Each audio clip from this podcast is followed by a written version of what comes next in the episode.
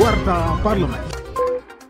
Inilah Warta Parlemen bersama saya Edo Da Vinci Zakti. Anggota Komisi 8 DPR RI John Kennedy Aziz menegaskan Komisi 8 DPR menolak usulan pemerintah tentang kenaikan biaya penyelenggaraan ibadah haji atau BPIH tahun 2024 sebesar 105 juta rupiah per jemaah. Menurutnya pemerintah perlu meninjau kembali komponen biaya yang bisa ditekan.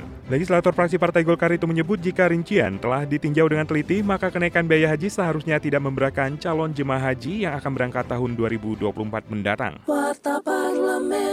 Dalam acara The Nine Mikta Speaker Consultation Forum 2023 yang mengangkat tema Strengthening Multilateralism, Addressing Intergenerational Challenge, Ketua DPR RI Puan Marani menyebut Forum Mikta dapat menjadi inisiator dalam memobilisasi aksi global untuk mengatasi perubahan iklim.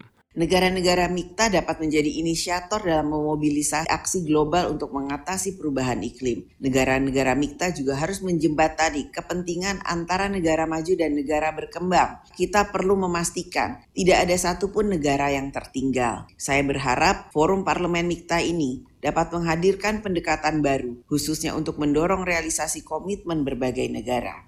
Pada kesempatan ini, saya mengundang para ketua parlemen untuk dapat menyampaikan pandangannya.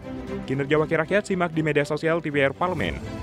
Anggota Komisi 2 DPR RI Gus Pardigos menyoroti kunjungan luar negeri semua petinggi Komisi Pemilihan Umum atau KPU yang menghambat rapat dengar pendapat dengan Komisi 2 DPR terkait kebijakan pemilu 2024. Politisi Prasipan itu berpendapat KPU tidak serius menghadapi pemilu 2024. Dirinya mengaku Komisi 2 DPR tidak melarang komisioner KPU kunjungan ke luar negeri, namun perlu dibuat aturan-aturan main sehingga tidak ada kekosongan di kantor KPU. Televisi Radio.